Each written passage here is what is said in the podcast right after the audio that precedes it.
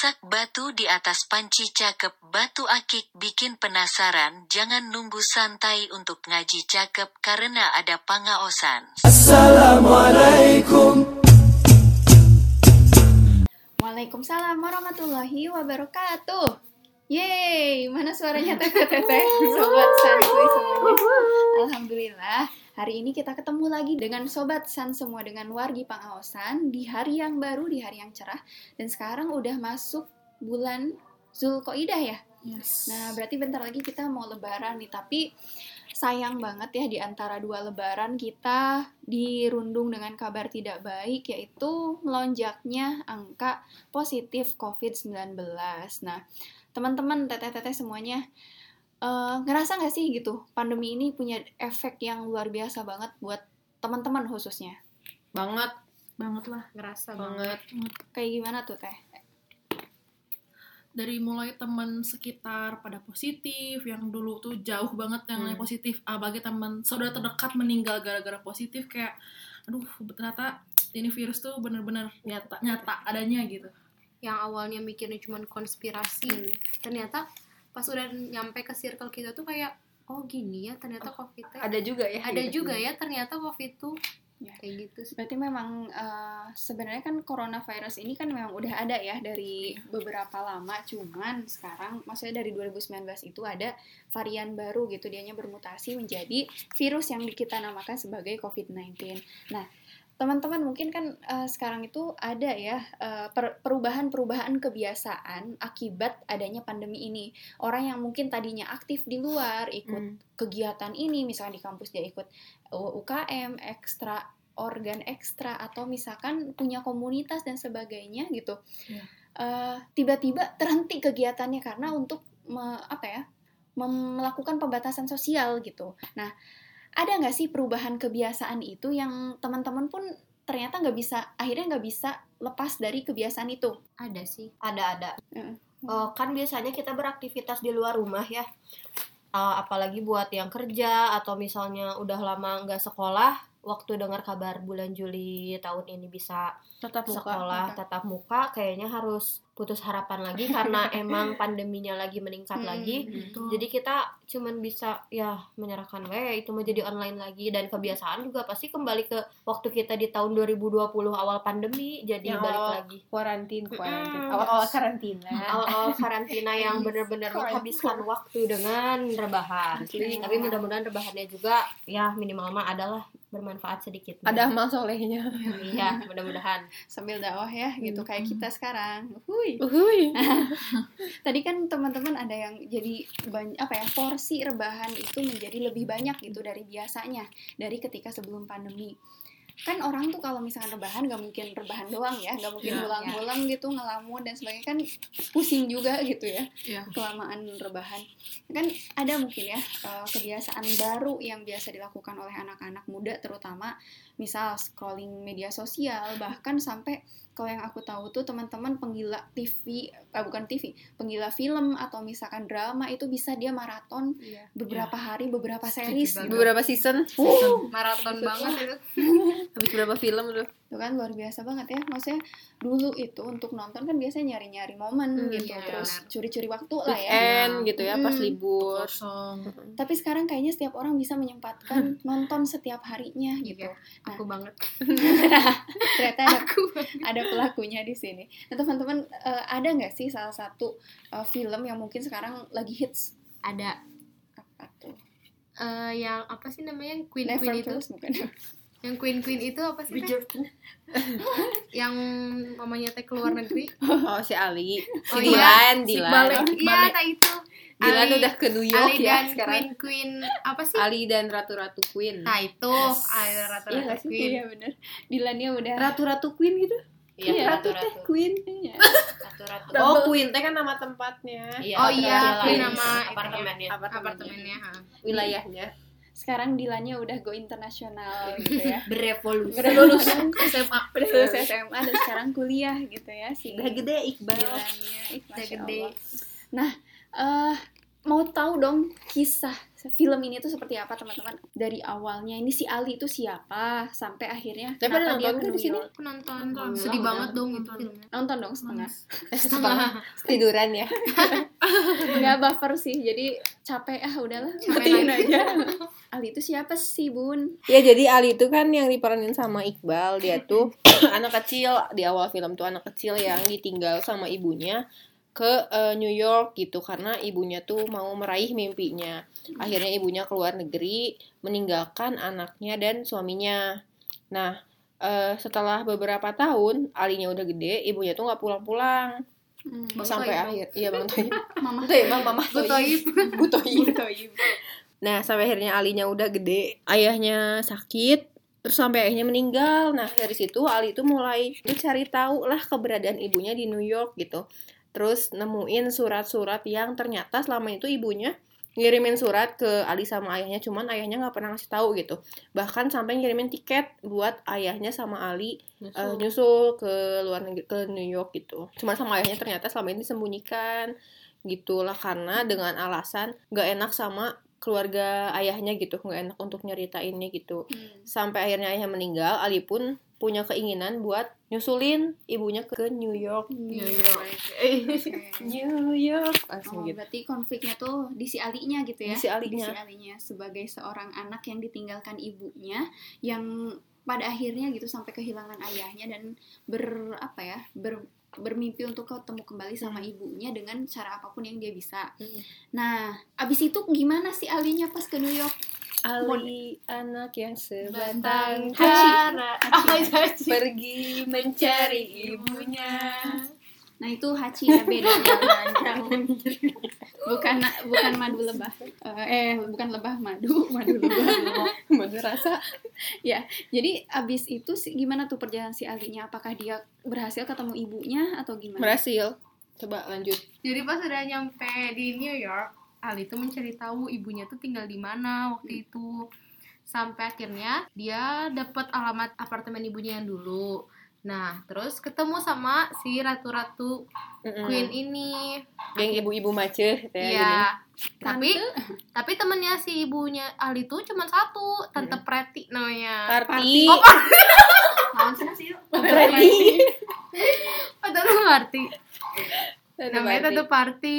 Nah, pas dia gitu, ternyata si ibunya udah nggak tinggal di apartemen ini gitu. Akhirnya Hmm. Tante Party ini dan temen-temennya yang ratu-ratu Queen ini Nyari tahu ya. nyari tahu keberadaan Alamat ibunya, ibunya untuk ngebantuin si Ali bisa ketemu ibu kandungnya yang udah belasan tahun gak ketemu. Sampai akhirnya ketemulah rumahnya ibunya Ali ini. Dan ternyata udah nikah udah dengan- nikah, udah punya anak, dengan Hmm. bule ya. udah kaya raya. udah punya kehidupan baru Mm-mm. Dan yang lebih penting adalah ibunya pura-pura eh pura-pura lupa apa Pura-pura nggak lupa. eh, pura-pura nggak kenal pura-pura sama nggak Ali kenal gitu. sama Ali. si Ali sedih. Ya jelas. Merasa aku kayak, gitu. "Ih, kayak Aku teh udah nyampe sini. "Eh, udah jauh-jauh gitu Tapi ya. pas aku buka pintu, ibunya buka pintu malah Ditutup ditutupin. Kayak, dijeblageun. "Mm-mm." Padahal aku kan anak yang udah belasan tahun gak ketemu gitu. ya. aku tuh udah bawa kardus kayak buka tasi. Bawa rendang.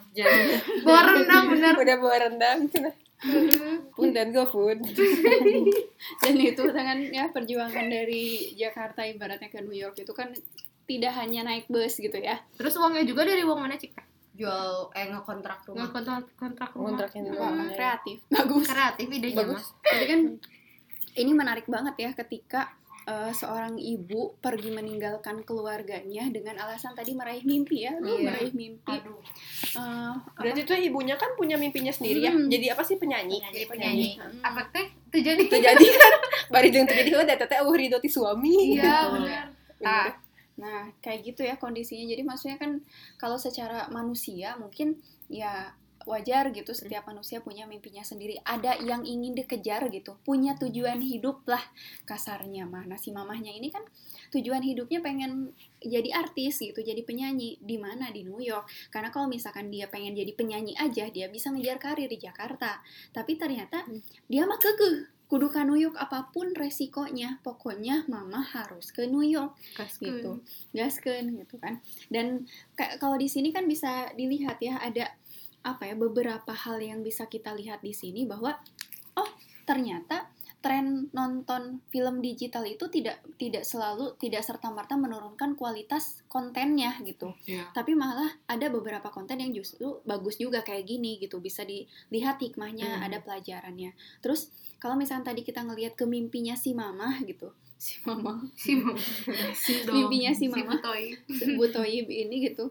Mama ini kan punya mimpi yang akhirnya eh, apa dia mohon-mohon ke suaminya untuk pergi ke New York dan akhirnya diizinkan dengan meninggalkan eh, siapa? Suami dan anaknya gitu keluarganya. Tanggung jawabnya. Eh, tanggung jawabnya. Sedangkan secara eh, apa ya mungkin dilihat dari sisi sosial dari dilihat dari sisi agama jelas-jelas ini bertentangan gitu dengan eh, kewajibannya ya. eh, dengan posisi dia sebagai perempuan. Iya. Nah, dari teman-teman nih sok mangga Aina mah gimana apa gimana dan apa yang bisa dilihat, apa yang bisa dipelajari dari kisah si Ali ini? aku sih ngeliatnya dari perjuangan Alinya pengen ketemu sama ibunya kayak berjuang gitu kan demi apa pun. Kayak rumah yang dia dia tempati harus dikontrakin terus ngejual ini itu pokoknya. Jadi kayak emang dia tuh sungguh-sungguh banget ketemu sama ibunya gitu dari perjuangan itunya. Dan pas tahu ibunya ternyata kayak gitu teh dia teh nggak nggak pulang nggak pulang ke Indonesia gitu. Nggak patah semangat tapi tetap terus dia kejar ibunya sampai ibunya inget gitu. Padahal udah Padahal, ditolak ya. iya udah disakitin lah ibaratnya mah gitu Hmm. kan. Tapi tetap aja gitu. Teguh hatinya tetap mengejar ibunya gitu. Itu Berat. kalau aku. Berarti terkait poin ketika kita punya keinginan, Mm. kita akan memikirkan gimana caranya kita bisa mencapai Tujuan. tujuan itu. Mm. iya Terus eh, aku ingat percakapan antara si Ali sama budenya pas dia mau berangkat kan budenya tuh udah kayak ngelarang gitu. iya Ngapain sih gitu? Iya. Gak tau ibu kamu teh gak ngurus kamu lah eh, kasarnya mah kayak gitu. Cuma si Ali bilang gini, emang bude tega ya ngalangin anak kandung yang mau ketemu sama ibunya gitu. Hmm. berat ya namanya Tetap ya maksudnya fitrah naluri sebagai anak ke ibu mah ada gitu ya walaupun kondisinya udah nggak pernah ketemu gitu ya. karena kan pada dasarnya gak ada bekas anak gak ada bekas ibu Orang tua gitu. orang tua Iya. mm-mm. kalau yang aku tangkap dari film ini tuh ada satu momen eh satu momen satu scene yang menurut aku tuh oh ternyata relate banget ya ternyata bener juga ya Yang mana? yang itu tuh yang si Alinya tuh lagi beli apa kebab gitu ya. Beli kebab. kebab di sama lain oh, beli ya. kebab cilor beli kebab ke Tahu tukang gitu. itu tahu gejrot jadi si Alinya tuh beli kebab ke tukang sama tukang es krim itu. Ke tukang kebab yang kayaknya mah asli Turki banget gitu ya karena orangnya juga ya mancung-mancung gitu lah kan. Nah kata si penjual kebab ini beliau teh bilang ke Ali dia kasih satu hadis yang isinya ibumu ibumu ibumu lalu ayahmu. Bener kan yang gitu Iya. Ya betul. nah setelah itu tuh si Alinya tuh langsung kayak oh iya Wah, ya oh, semakin iya, semangat iya. juga dia tuh Buat- jadi nyari ibunya tuh semakin oh ya udah jadi dia tuh akhirnya ketemu aja sama si ibunya dari Itu situ teh udah ketemu Oh, gitu udah ketemu. posisinya ya gak sih? semakin menguatkan untuk Heeh, cuman udah ditolak membujuk gitu, teh. ibunya. oh itu yang udah ditolak Udah teh. ditolak. udah udah Udah tuh tolak. Oh, kan yang dia pundung terus ibu-ibunya Ibu teh mau dateng. ngelabrak. Enggak enggak makan Eh, aja gening. Oh, iya, Dia iya, mau iya, ngelabrak, iya, tapi iya. nggak jadi. nggak jadi Iya, ngelabrak makan. kan. Iya, Jadi iya. Lebih apa ya? Lebih menguatkan si Ali buat memperjuangkan ibunya gitu Iya. bahwa jangan pundung dulu gitu. Iya. Sok perjuangin, ikhtiarin dulu. Tah. kalau yang aku tangkap mah bagus sih Alia teh gitu ya emang ya maksudnya anak mana yang gak mau ketemu ibu kandungnya walaupun udah dikecewain gitu Hmm. dia bilang kalau ketemu ibunya teh dikiranya bakalan mendapatkan kebahagiaan Hmm. terus eh, pas di saat ketemu ibunya teh siapa tahu bisa memaafkan emang mungkin kecewa si Ali teh sama ibunya tapi kan pada akhirnya mah memang harus memaafkan dan harus bahagia gitu ketemu ibunya karena mau gimana pun emang itu teh ibu kandungnya walaupun dari ibunya nggak menerima keadaan kondisi eh, Ali saat itu di New York ya gak apa-apa yang penting mah Ali udah berusaha oh ketemu orang tua teh bisa membuat Ali bahagia dan memaafkan yang penting mah kan nggak ada lagi dendam di masa lalu atau rasa penasaran Nampi itu ya, doi. oh nampi dulu aja Menerima, menerima. dan Ikhlas. ikhtiarnya Ali sampai saat di New York teh buat aku mah udah Insya Allah lah keren the best banget ya. Ya. Dan memang kan kalau misalkan apa ya kita lihat ke eh, tanggung jawab orang manusia gitu tanggung jawab tanggung jawab secara kemanusiaannya apa pun yang dilakukan mamahnya ataupun apa pun yang dilakukan Ali ujung-ujungnya kan kembali ke diri sendiri ya pertanggungjawaban amal mah balik lagi ke, ke diri sendiri. Tapi benar yang tadi dikatain teteh gitu ya di hadis yang dibilang tukang kebab itu eh, Rasulullah bilang ibumu, ibumu, ibumu, lalu ayahmu. Dan mungkin teman-teman juga pernah ngedengar ya sebuah kisah sahabat Rasulullah. Dia itu sahabat yang tidak pernah ketemu Nabi, tapi Rasulullah udah tahu orangnya bahkan sejak eh, sebelum beliau wafat gitu dan bahkan sebelum si sahabat ini datang ke Mekah. Siapa coba? Yang berbakti banget sama ibunya. Yang nggak gendong ibunya. Namanya Uwais Al-Qarni. Oh iya. Jadi sebelum meninggal itu Rasulullah pernah cerita ke Umar kalau nggak salah bahwa nanti akan ada seorang anak yang dia menggendong ibunya dan dia doanya itu sangat mustajab. Maka ketika dia datang ke sini, mintalah doa dia karena doanya semustajab itu gitu saking berbaktinya kepada orang tuanya. Maka setelah ternyata Rasulullah meninggal kemudian eh, masa kalau nggak salah ya masa Khalifah Abu Bakar sudah berakhir terus kemudian ke Umar. Nah, ketika itu ada seorang eh, laki-laki yang menggendong ibunya. dan ternyata Uwais ini menggendong ibunya bukan dari Pasteur ke Cibiru, tapi dari Yaman ke Mekah. Itu bayangkan di peta aja udah sejauh itu apalagi dijalanin sampai sambil jalan kaki. Dan teman-teman tahu kan di Arab itu adalah gurun pasir, Iya. Dan panas panas. Dan Nggak ada Maxim. nggak ada Gojek gitu ya. sponsor dan itu kondisinya dia ngegendong ibunya secara langsung. Maksudnya untuk berjalan aja itu udah berat banget apalagi sampai menggendong gitu. Jadi ketika eh, Wais eh, istirahat udah sampai Mekah itu lagi istirahat tiba-tiba eh, Umar tuh tahu kayaknya ini deh gitu. Terus disam- disamperin kamu dari mana? Kamu siapa? gitu bla bla bla. Sampai akhirnya dia cerita bahwa dia itu berlatih menggendong sapi setiap Domba. hari. Oh sapi domba yang aku taunya sapi gitu. Pokoknya hewan ternak berarti ya. Digendong setiap hari seiring pertambahan berat badannya supaya dia bisa kuat menggendong ibunya ketika dia jalan dari rumah sampai ke Mekah dan akhirnya tertunaikanlah gitu ibadah haji ngajak ibunya ibadah haji dengan cara digendong kemudian Umar pun minta doa kepada Uwais Eh, apa yang doanya insya Allah dikabul gitu lalu Uwais bertanya kepada Umar eh, eh kepada Umar apa kepada Rasulullah ya Rasulullah kalau misalkan eh, kondisinya Nah, waktu itu kan ditanya ada yang berbakti banget. Nah, ditanyakanlah kalau misalkan bakti kita kepada ibu teh udah sebegitunya, apakah pengorbanan ibu sudah terbayar? Kata Rasulullah, belum. Sungguh setitik pun belum. Itu teh kondisinya Uwais udah eh, ngegendong ibunya dari Yaman sampai ke Mekah. Secapek itu ternyata pengorbanan ibu belum terbayar. Apalagi Ali yang cuma ditinggalin ibaratnya mah Iya. gitu. Maka walaupun sesakit hati itu, tapi da, pengorbanan ibu dia ngelahirin, hamil dan sebagainya itu teh tetap tidak terbayar gitu. Maka eh, betul gitu ya posisi Ali. Ali di sini mencari ibunya ya untuk apa? Temu kangen, eh, berbakti gitu ya. Terlepas dari ibunya menerima atau tidak itu urusan ibunya juga sama Allah gitu. Iya. Dan kewajiban ibunya mungkin kan nyaah gitu ya bahasa Sundanya mah nyaah ke anak, ngurus ke anak. Tapi kalau dianya nggak mau, itu kembali lagi ke dianya gitu. Pertanggung jawab udah urusan dia Mm-mm. sama Allahnya gitu. Mm-mm, kayak gitu. Cuman nih, eh, aku juga mau tanya nih ke teman-teman. Kalau misalkan tadi kan secara keanakan, keibuan, dan secara perhubungannya antara ibu dan anak gitu. ya. Nah, kalau secara eh, posisi perempuan gitu nih, Oke. gimana nih teman-teman? Kan pengawasan cewek banget gitu ya. Secara Ahwat banget. ahwat banget.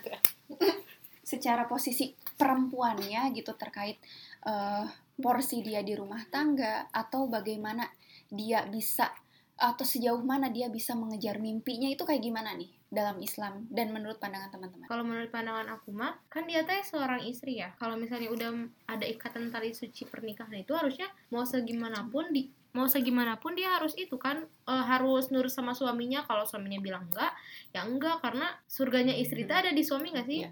Hmm. Jadi kalau misalnya kalau kata suami enggak dan suaminya belum ridho, ya mending jangan pergi. Buktinya suaminya nggak ridho di New York juga kan si ibunya nggak jadi apa-apa kan pada akhirnya penyanyi. nggak jadi penyanyi cuman apa sih penyanyi karaoke di bar di bar bukan sih itu tuh di bar kan Jadi kayak waiters gitu gak sih? Iya. Waiters ya. jadi luntang lantung nyari uang untung aja ada ada, Ada yang orang bule yang yang, mau uh, yang Tapi nikahin jadinya murtad. iya aduh sayang Yang ada banget pohon Natal kan? Iya. Natalan, ikut Natal. sayang banget Sayang banget kan? karena nggak ada ridho dari suami Hmm. udah mah nggak jadi apa-apa murtad deh di situ Iya. deh saya disayangin banget lah kehilangan sesuatu yang paling penting gitu ya Hmm, dunia iya. akhirat gitu. dan ditinggalin sama sesu- sesuatu yang lebih pen- yang paling penting yaitu Allah Subhanahu wa Oh. taala ya. Iya, Ditinggalin karena gak ada dapet ridho dari suami ya semua orang tuh jadi ninggalin kan Iya, iya.